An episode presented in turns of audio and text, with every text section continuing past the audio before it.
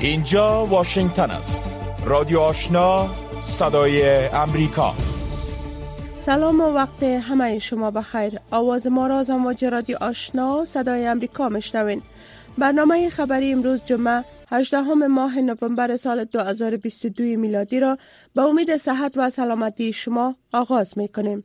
نخست از همه مشروع خبرها را از همکارم میرویس رحمانی مشنوید. سلام شنونده های عزیز وقت بخیر. هیئت معاونت ملل متحد برای افغانستان یا یوناما از برگزاری یک سلسله نشست ها با زنان افغان خبر داد و گفت که در این دیدارها اشتراک کنندگان زن خواستار گفتگو با مقام های طالبان درباره حفظ حقوقشان شدهاند.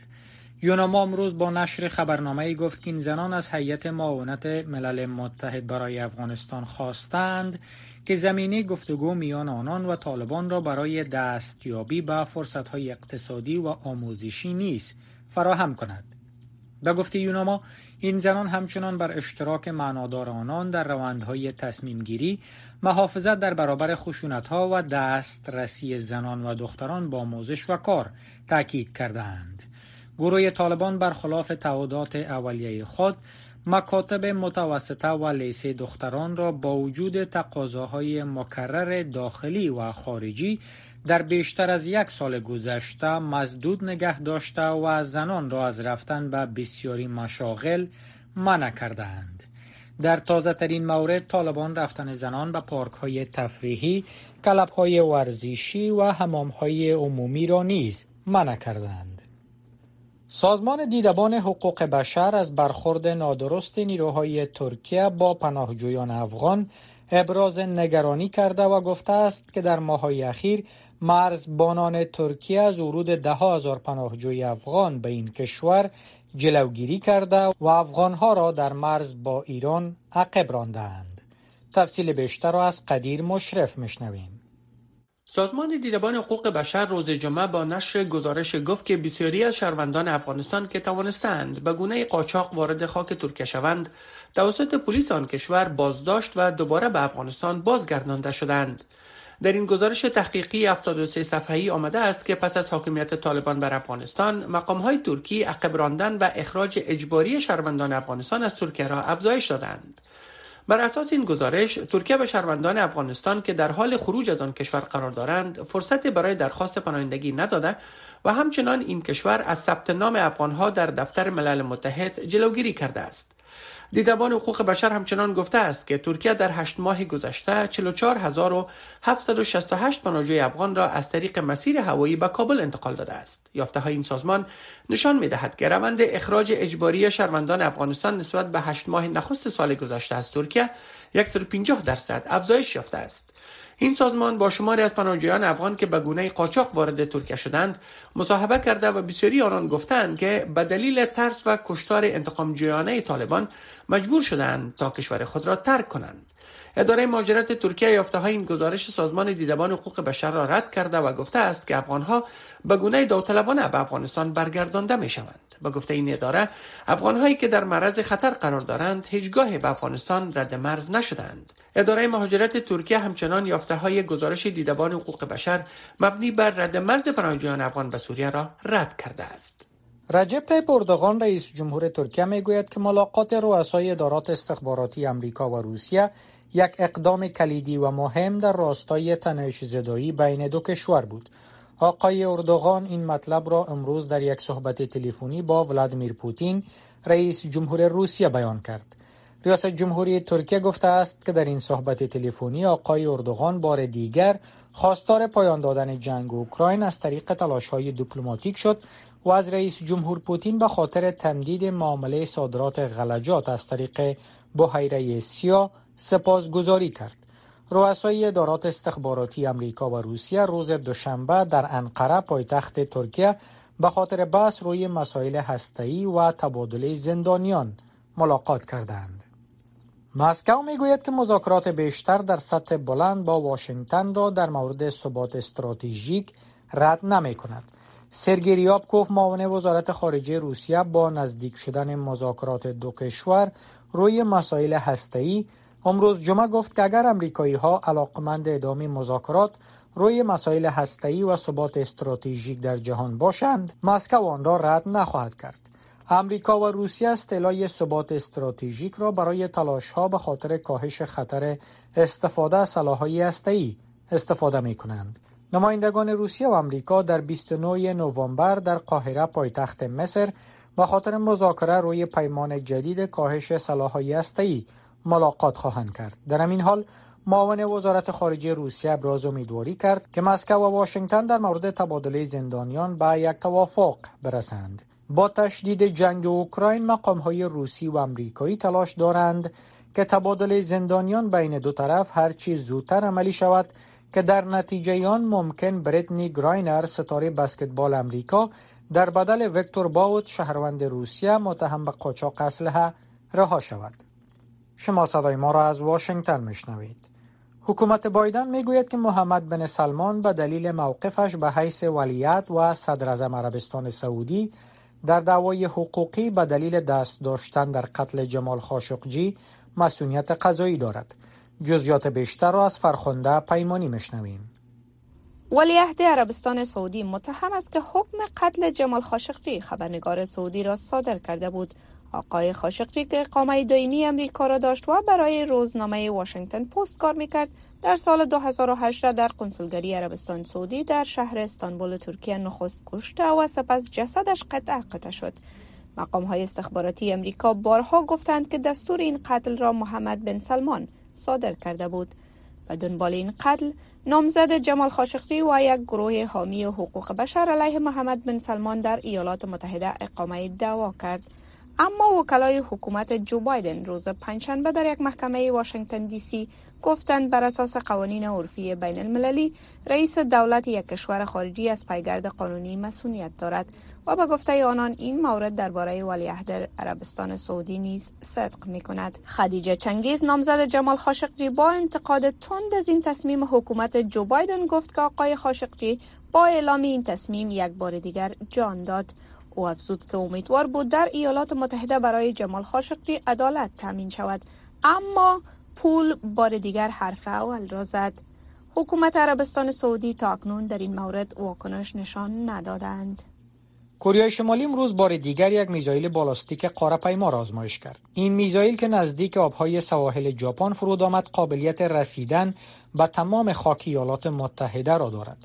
ایالات متحده ضمن نکوهش این اقدام کره شمالی گفت که واشنگتن تمام اقدامات لازم را به خاطر تضمین مسئولیت خاک خود و متحدین خود چون کره جنوبی و ژاپن انجام خواهد داد.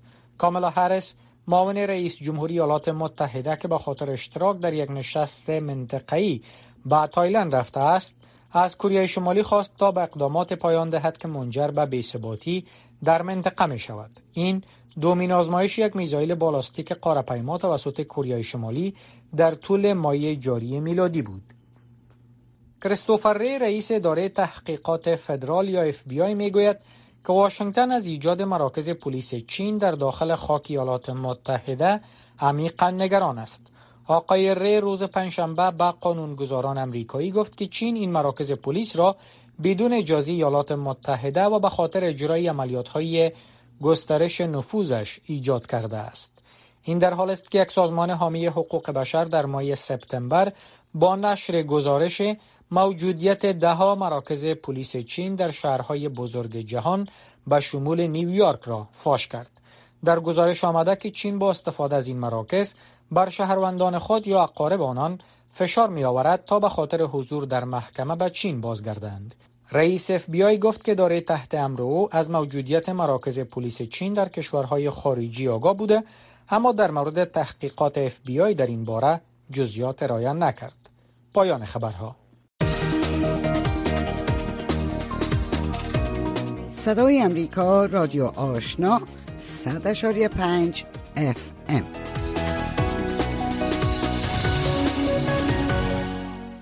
شنونده های محترم شما مشروع خبرها را شنیدید و حالا من رویا زمانی هستم با تقدیم گزارش های برگزیده این بخش برنامه.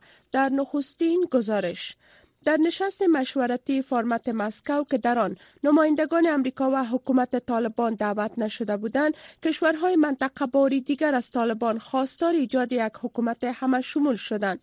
همکارم قدیر مشرف در مورد پیامد و نتیجه این نشست با سید طیب جواد سفیر پیشین افغانستان در روسیه مصاحبه را انجام داده است که تقدیم شما می شود در این اواخر انتقادات تندی از جانب مسکو علیه طالبان به گوش می‌رسه. از نگرانی در مورد حضور داعش و نفوذ آن با آسیای میانه گرفته تا انتقادها از ترکیب حکومت طالبان.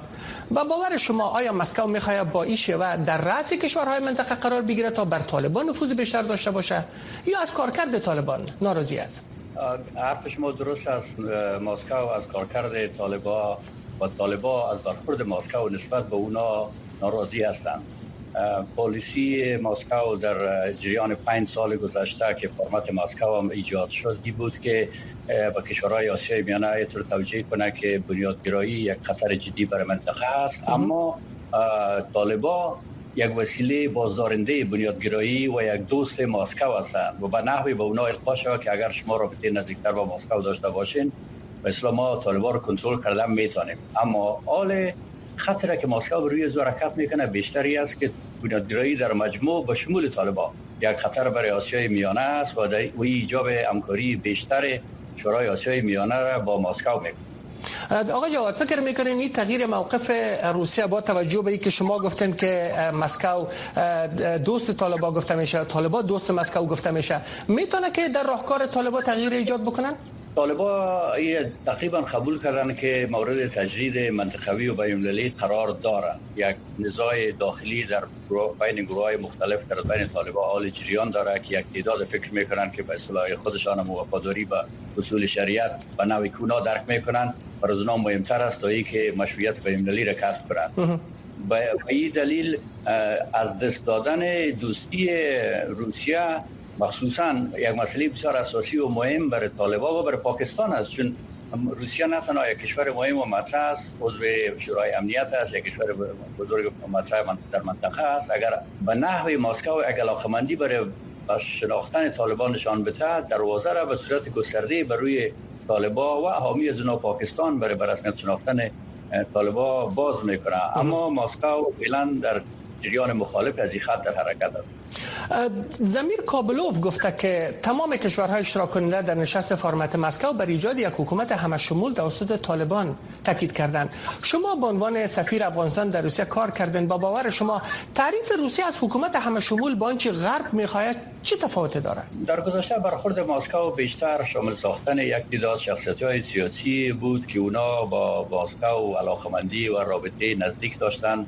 در جلسات گذشته فرمت مسکو یا ترویکا پلاس بیشتر کسایی که به اصطلاح رهبرای جهادی سابق و کسایی که در جنگ مطرح بودن به استثنای قومدار کرده صاحب گنام تشریمی آوردن بیشتر امی اشخاص بود. یعنی ما امیال آن وقتی که تاکید می‌کنن بیشتر درباره شرکت اقوام و و جناهای سیاسی میگن که مقصد جناهای سیاسی یک تعداد شخصیت هایی است که اونا بیشتر به طرف روسیه متمایل هستند یک یک فرمول مشخصی را که مثلا نظام مبتنی بر انتخابات یک نظام مبتنی بر اصول اساسی پذیر شده بین را ارائه نمی کنند اکثر متاسفانه اکثر جلسات فرمت مسکو بدون آمادگی زیاد بدون از اینکه مشخصا معلوم باشه که از این چی دستاورد می‌خوان اونا به دست بیارن. جامعه شد و ما اکثر در جریان اکثر از کنفرانس ها در گذشته وقتی که سفیر بودم قرار داشتم. درست. سوال آخر طالبان امروز با نشر اعلامیه در واکنش به نشست فرمت مسکو گفتند که به هیچ کشور اجازه ایجاد تاسیسات نظامی در افغانستان نخواهند داد. منظور طالبان به نظر شما دقیقاً چی سایه طالبان به کدام نگرانی روسیه و کشورهای منطقه اشاره کردند؟ در اعلامی مشترکی که صادر شد یک ماده نسبتا مجهول بود که در او گفته شده بود که همه جناها مخالف جابجایی زیربناهای نظامی کشورهای سیوم در افغانستان هستند. بله. دقیقا امی امی ماده نو گنگ بود معلوم نبود که آیا به تاکید هندوستان ای در این قطعنامه داخل شده تا اشاره به پاکستان است یا احتمالاً یا فکر می‌کنن که امکان بازگشت امریکاست که مقدار محتمل نیست. با جواب از این ای, ای اعلامیه را صادر کردن که اونا به هر صورت نمی‌خواین که نیروهای نظامی هیچ کشور را جا بدن. برای ما سوال برانگیز وقتی که مادر ما در اعلامیه مشترک خواندم که هدف از این اعلامیه چی هست؟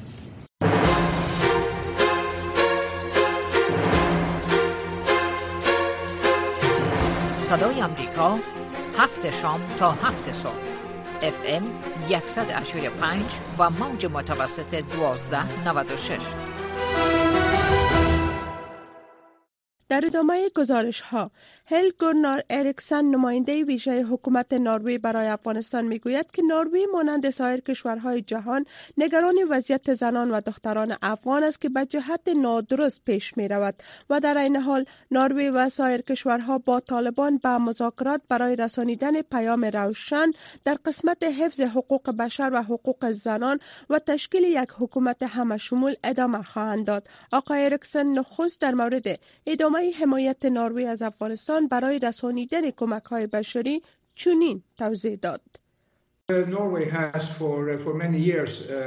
نروژ از سالها بدین سو از افغانستان حمایت نموده است. این کشور یکی از بزرگترین کشورهای دریافت کننده کمک های انکشافی دو جانبه بود و بعد از روی کار آمدن طالبان ما به رسانیدن کمک های بشری به اندازه قبل ادامه دادیم. حتی گفته می توانیم که وضعیت بشری در افغانستان بسیار دشوار است. جامعه جهانی به شمول نروژ به فرستادن کمک های بشری به افغانستان ادامه دادهاند و ما جلو آن را نگرفتیم و ما وضعیت بدتر را یک سال قبل پیش بینی کرده بودیم. از سوی دیگر ما همه می دانیم که کمک های بشری کافی نیست. آنچه نروژ مانند سایر کشورها انجام می‌دهد در چارچوکات سیستم ملل متحد و بانک جهانی با هم سخت تلاش می‌کنیم تا کمک های انکشافی دراز مدت به افغانستان را مشخص نماییم. اما تا کنون طالبان علاقمندی نشان ندادند و قابل درک است که برخی ها از مذاکرات با طالبان معیوز شدهاند به خاطر که به حرف کسی گوش نمی کنند برای ما گزینه های خوبی باقی نمانده است. ما در تاریخ نیز شاهد آن بودیم و اگر جامعه جهانی افغانستان را ترک کند با وجود آن باید با این گروه صحبت کنیم که در کشور قدرت را به دست دارند. روی دو دلیل اول این که برای آنها پیام روشن در قسمت حفظ حقوق بشر و حقوق زنان در حکومت هم شمول داشته باشیم و باید توجه شوند. اما از سوی دیگر باید با کسانی که روی قدرت هستند برای دسترسی و رسانیدن کمک های بشری سازمان ملل متحد و بنیادهای غیر انتفاعی در تماس باقی بمانیم.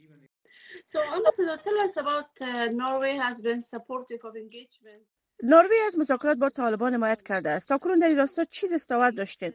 و شما از ادامه همچون مذاکرات پشیمان نیستین؟ به خاطر که طالبان رفتار خود را تا کنون تغییر ندادند. Continuing trying to engage with the Taliban when they don't listen to the word. Yes, we, uh, we have, um... بله از سالها بدین سو با طالبان در تماس هستیم و حتی قبل از اینکه به قدرت برسند صحبت می‌کردیم. ما همه جوانب را به مذاکرات تشویق می‌کردیم تا یک راه حل سیاسی برای جنگ افغانستان و تشکیل حکومت دریابند. اما واضحا به دلایل موفق نشدیم.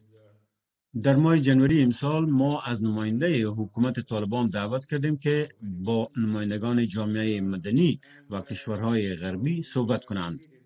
ما تلاش کردیم و طالبان وعده هایی کردند اما آن را حفظ نکردند.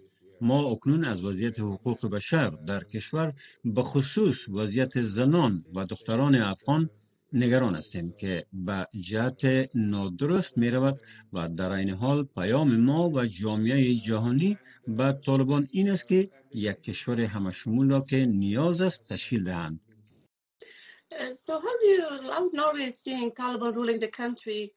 در مورد حاکمیت طالبان طی 15 ماه گذشته از نظر حکومتداری رسیدگی به وضعیت اقتصادی و تامین امنیت نظر شما چی است؟ در حکومت طالبان ما بیشتر نگران وضعیت حقوق بشر هستیم که بدتر شده است و می توان گفت که طالبان ممکن خواندن و نوشتن را بلد باشند. اما توانایی حکومتداری یا پیشبرد اقتصادی کشور را ندارند. آنها دلیل این مسائل را تحریم های بین المللی می دارند اما مشکل این است که ما بدیل نداریم. ما نه تنها با طالبان بلکه با سایر افغانها فعالین حقوق بشر مدافعین حقوق بشر و سایر فعالین و دو شخصیت سیاسی افغان در خارج و خارج افغانستان صحبت نمودیم.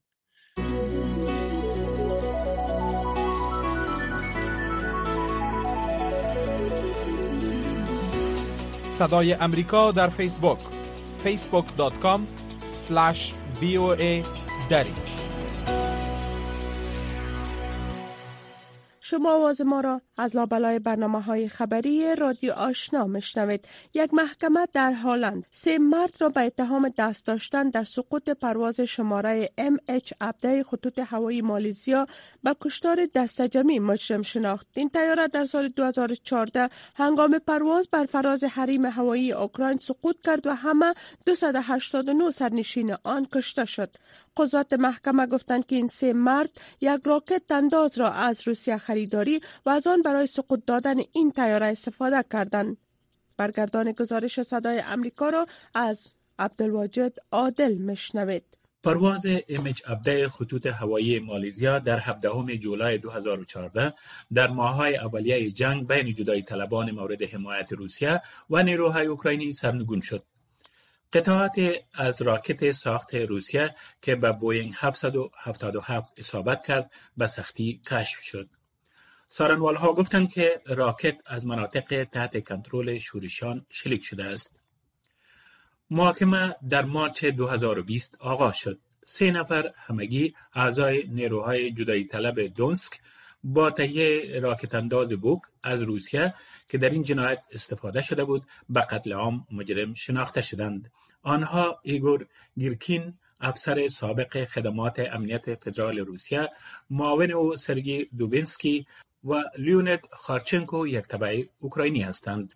هندریک استن هویس قاضی محکمه گفت En het feit iemands dood ten gevolge heeft. En برای همکاری در ارتکاب چند فقر قتل یعنی 298 مورد برای وابستگان قربانیان این حکم مجرم شناختن از سوی محکمه تا اندازه تسکین دهنده تلقی می شود. مرین اوبراین مادر جگ اوبراین قربانی پرواز ام 17 می گوید من احساس می کنم که این روند به پایان رسیده است و بسیار منصفانه دقیق و کامل بوده است. مرد مزنون چهارم اولگ پولاتوف از تمام اتهامات تبرئه شد. هیچ یک از متهمان در محکمه حضور نداشتند. فرض می شود که آنها در روسیه هستند. و ماسکو از استرداد آنها خودداری می کند ماریکا دنهون از پانتون آمستردام می گوید اگرچه بعید است که آنها به این زودی داخل زندان را ببینند اما این بدان معنا نیست که ممکن است بعدا زمانی که تغییر رژیم در روسیه را خواهد داد نبینند. از آنها ممکن است دیگر محافظت نشود. گفته می شود هیچ از متهمان این راکت را شلیک نکردند.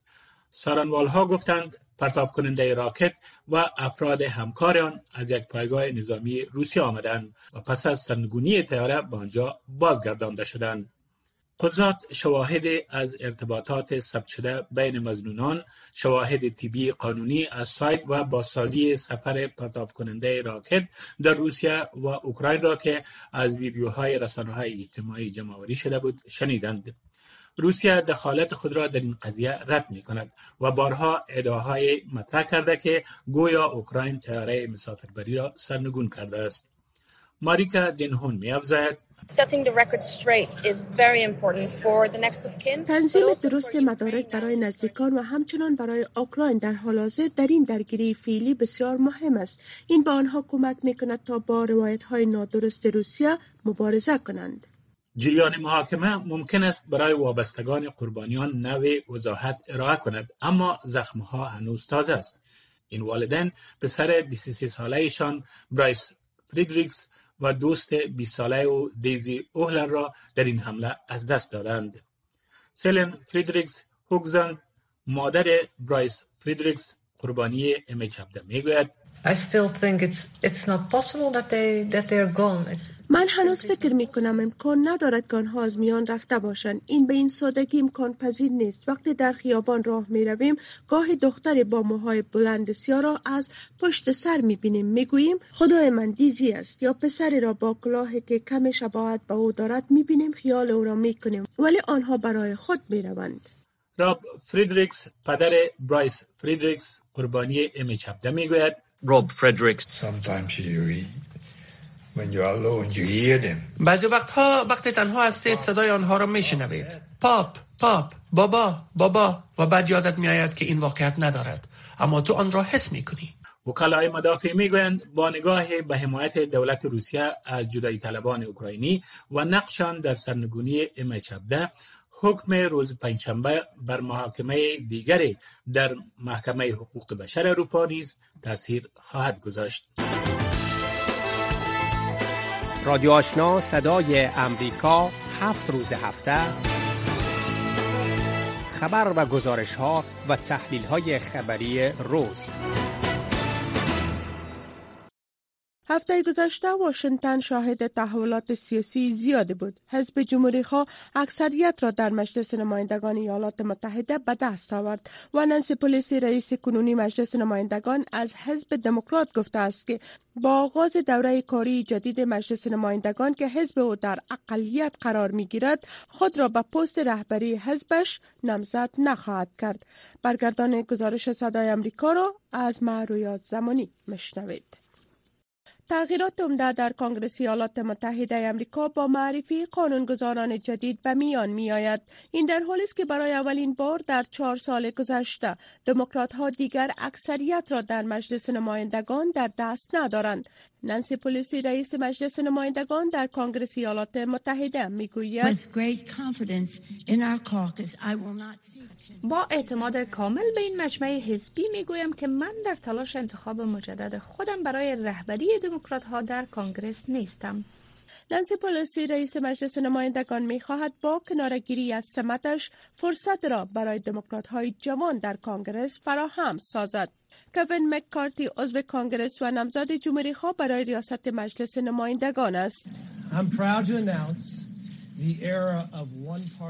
با افتخار اعلام می کنم که دوران حکومت یک حزبی دموکرات ها در واشنگتن به پایان رسید. حالا در واشنگتن توازن قدرت ایجاد شده است.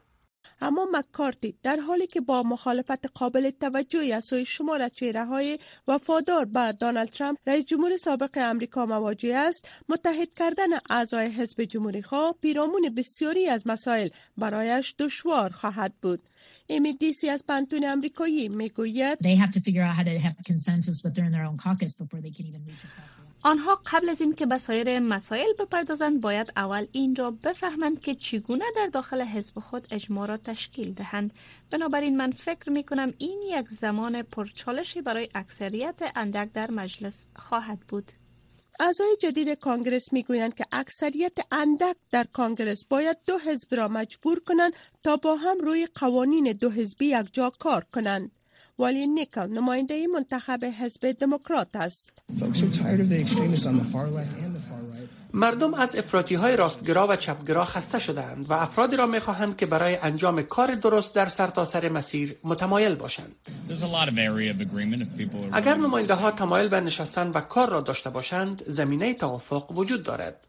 و این در حال است که هر قانون باید توسط مجلس سنا ایالات متحده با اکثریت دموکرات ها تحت رهبری چک شومر تصویب شود.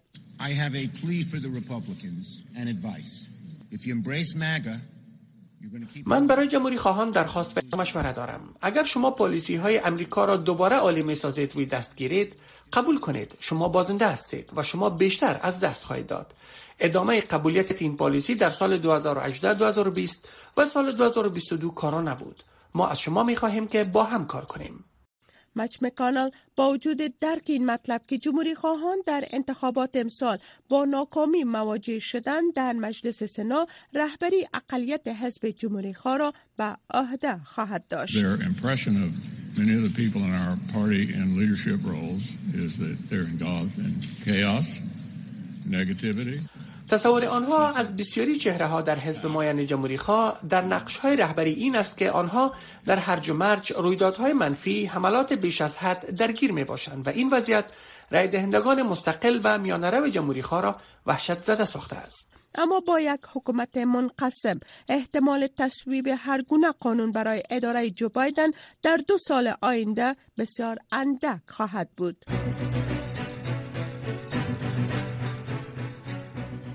شنونده های محترم این بود داشته های بخش برنامه که تقدیم شما شد. برنامه رک راست آغاز می شود امیدوار هستیم که شنونده برنامه های رادیو آشنا صدای امریکا باشین.